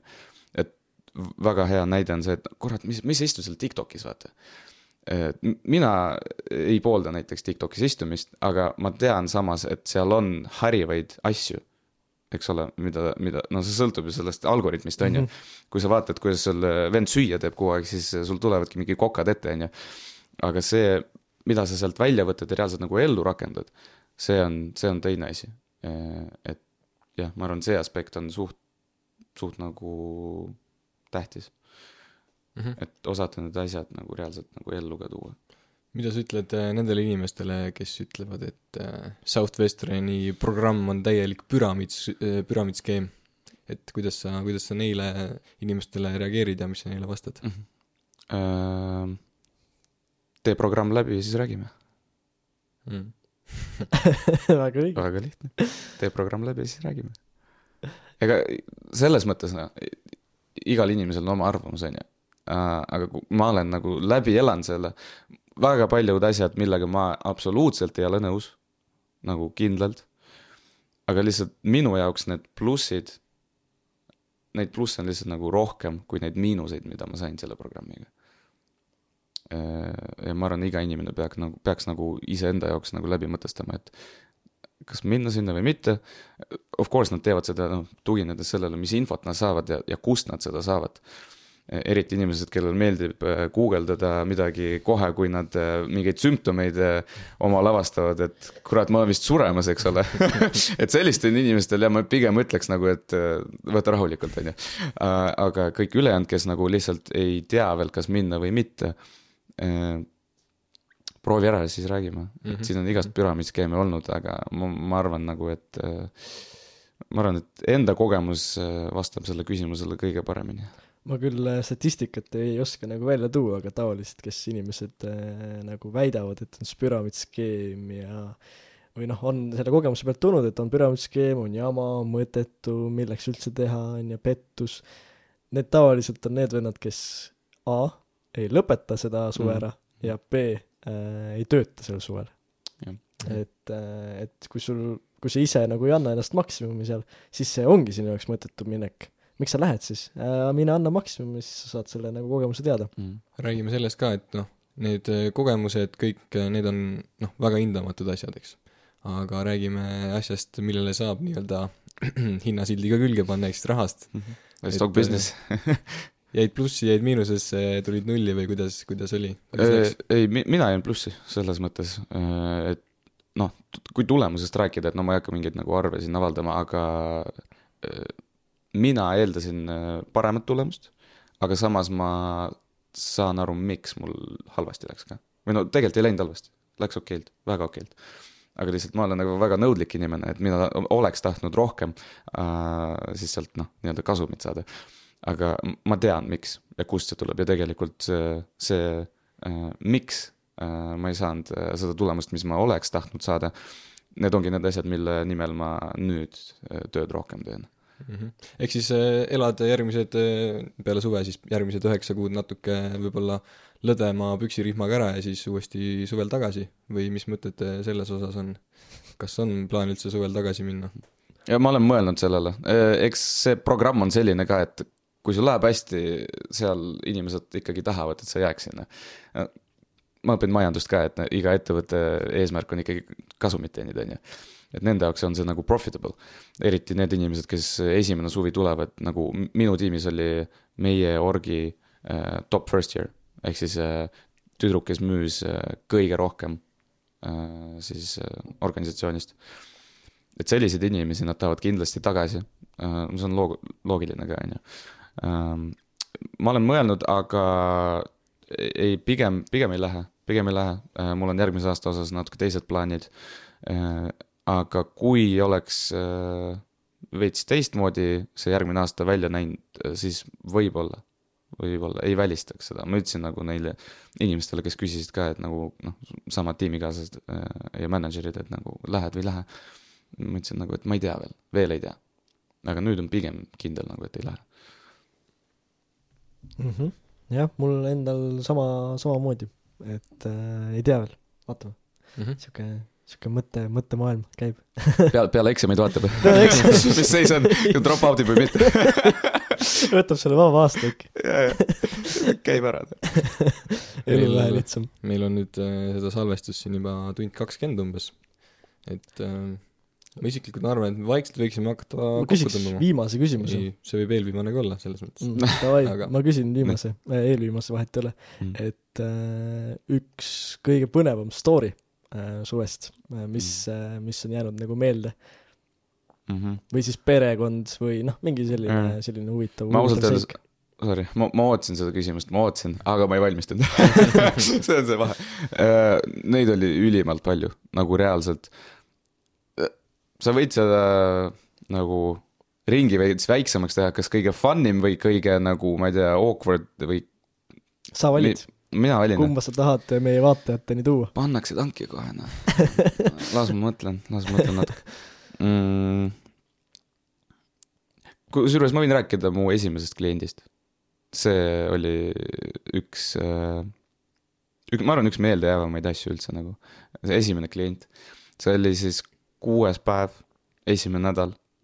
et ma mäletan, kuidas meid valmistati ette nagu enne suve, et äh, näe, vaata statistikaid nagu top first, first year'id esimesed kaks nädalat mingi üks klient, kaks klienti, võib-olla isegi null klienti.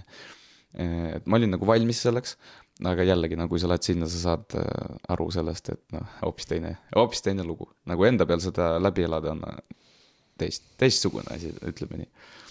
Minu esimene klient oli, või kliendid, see oli pere. reede oli, reede õhtu. ma ausalt öeldes, ma hakkasin juba vist koju sõitma. see oli pool üheksa või üheksa või no koju suunas, siis ma mõtlesin, et ma, ma teen need viimased koputused seal nagu tagasiteel. ja siis ma vaatan mingi, tuli põleb, tehakse mingi lõõket, midagi, ma mõtlesin, okei okay,, okei okay,, let's try, let's try, et seal ei olnud veel pime, aga hak- no hämar juba.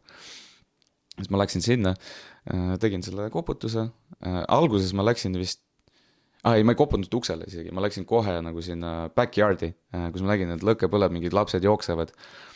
ja siis ma nägin, et äh, vanem naisterahvas istub, suitsetab, hoiab äh, ilmselt midagi alkohoolset käes. ja no oli näha ka, et inimesed, inimestel on reede, palk tuli ka ilmselt üle, et, et võtame rahulikult, chill ime natukene. Ja siis ma teen enda selle protseduuri läbi ja tüübid olid kohe nagu nii avatud, jaa, come on, come in nagu let's go. ma sain aru kohe, nad on joonud. ma ei tea, meil, meil ei ole nagu otseselt õpetatud, aga pigem öeldi nagu, kui inimesed on nagu joonud või purjus, et pigem ära mine sinna igaks juhuks, onju. Mhm. ma olin nagu, ah, fuck it, nagu lähme, teeme ära. ja siis teen selle protseduuri läbi ja siis vaatan, kurat, vennad on nii avatud, need olid äh, vanaema ja vanaisa. siis neil oli mingi kolm-neli last. No lapse, need äh,, issand, ütle mulle. lapselast. jah, lapselast, sorry. mängivad, jooksevad, need olid ka nii huvitatud, oo, mis asja, Eesti, oo, kus, mis, see on riik või? see ei ole state, normaalne. et, et siis kohe küsisid mingi sada küsimust mul, mul, noh, lase ma teen sul selle protseduuri läbi, oota, vaata. et see oli ka kõige raskem alati, kui hakati nagu absoluutteisest asjast rääkima ja meil oli pigem see, et sa tahad nagu nii kiiresti kui võimalik selle protseduuri läbi teha seal. Ja siis üks hetk teen demo, no võtan nagu raamatu välja, hakkan näitama siis tüübid on nagu jaa, jaa, for sure, ma ei jõudnud näidata, ma arvan isegi poolt nagu sellest. see, see, see demonstration ei olnud üldse pikk, nagu sa mäletad mm, -hmm. aga kohe seal alguses tüübid olid jaa, jaa, you know, you know, ma pro- proovin üle, ületada seda äh, naist, kes ütles mulle, you know, we'll take them for sure nagu one hand, Dominic, Dominic, Dominic, Dominic, tead neid jutte, vaata, kui vend üritab sul Tartus kell neli hommikul seletada, et sa oled ta parim sõber, näete esimest korda üksteist. Dominic, Dominic, we gonna take them for sure, we gonna take, how much, how much? ma olin nagu oh,, nagu let me show you a little bit more nagu no, no, how much, we gonna for him, for her, for him as well. ma olin nagu jaa, jaa, räägi mulle nagu endal peas nagu come on ja siis üks hetk ma jõuan sinna selle price build-up'ini, näitan nagu hindu, asju. tüübid olid nagu jumala vaimustuses, davai, let's go.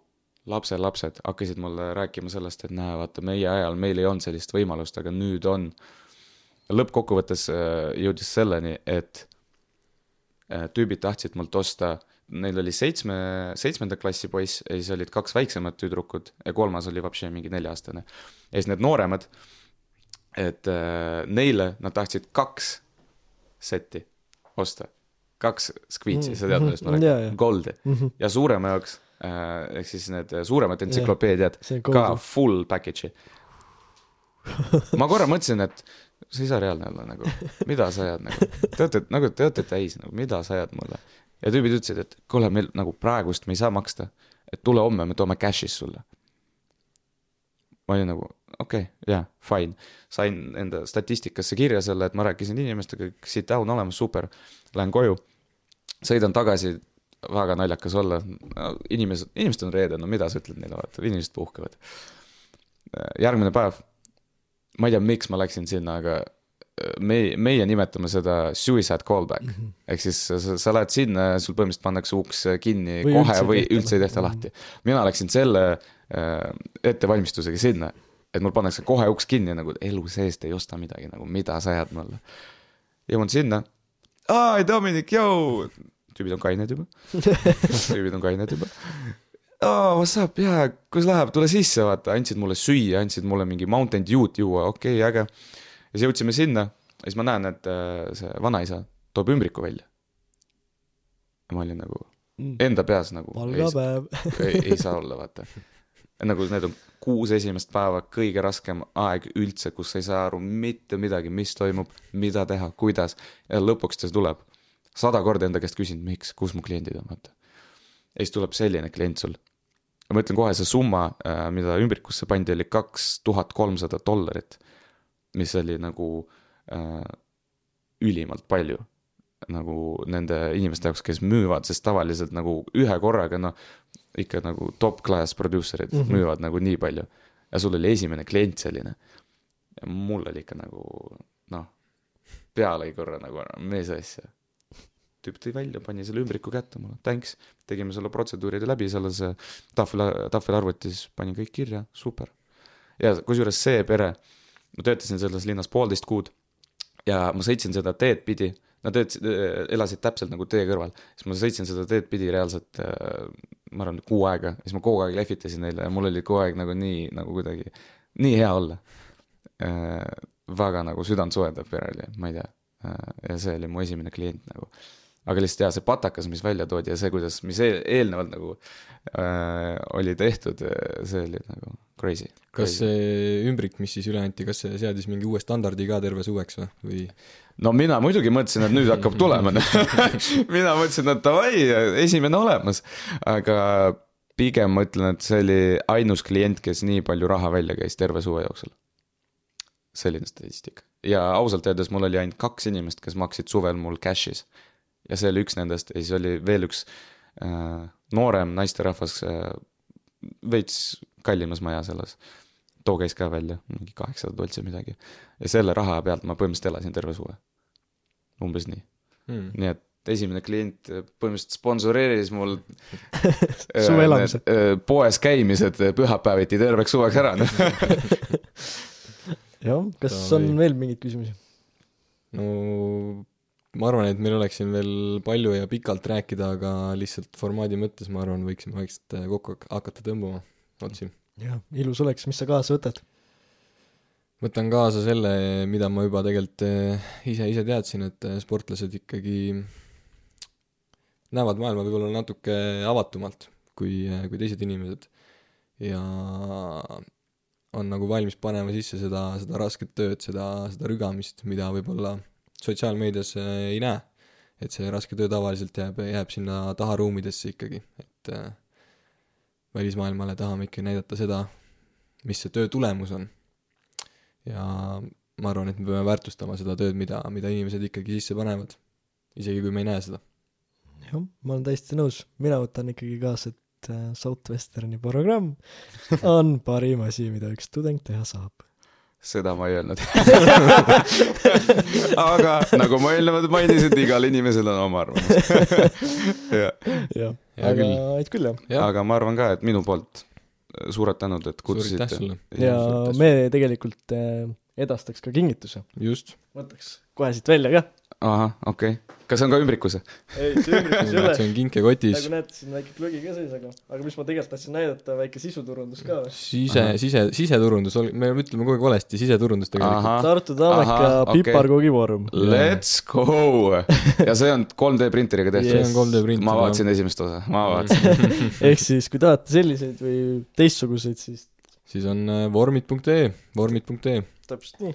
või siis kirjutage Väga otse null punkti Instasse ma või olen kuhugi seal kingikotis on veel siis äh, Vana-Tallinna glögi ja piparkoogid ainas.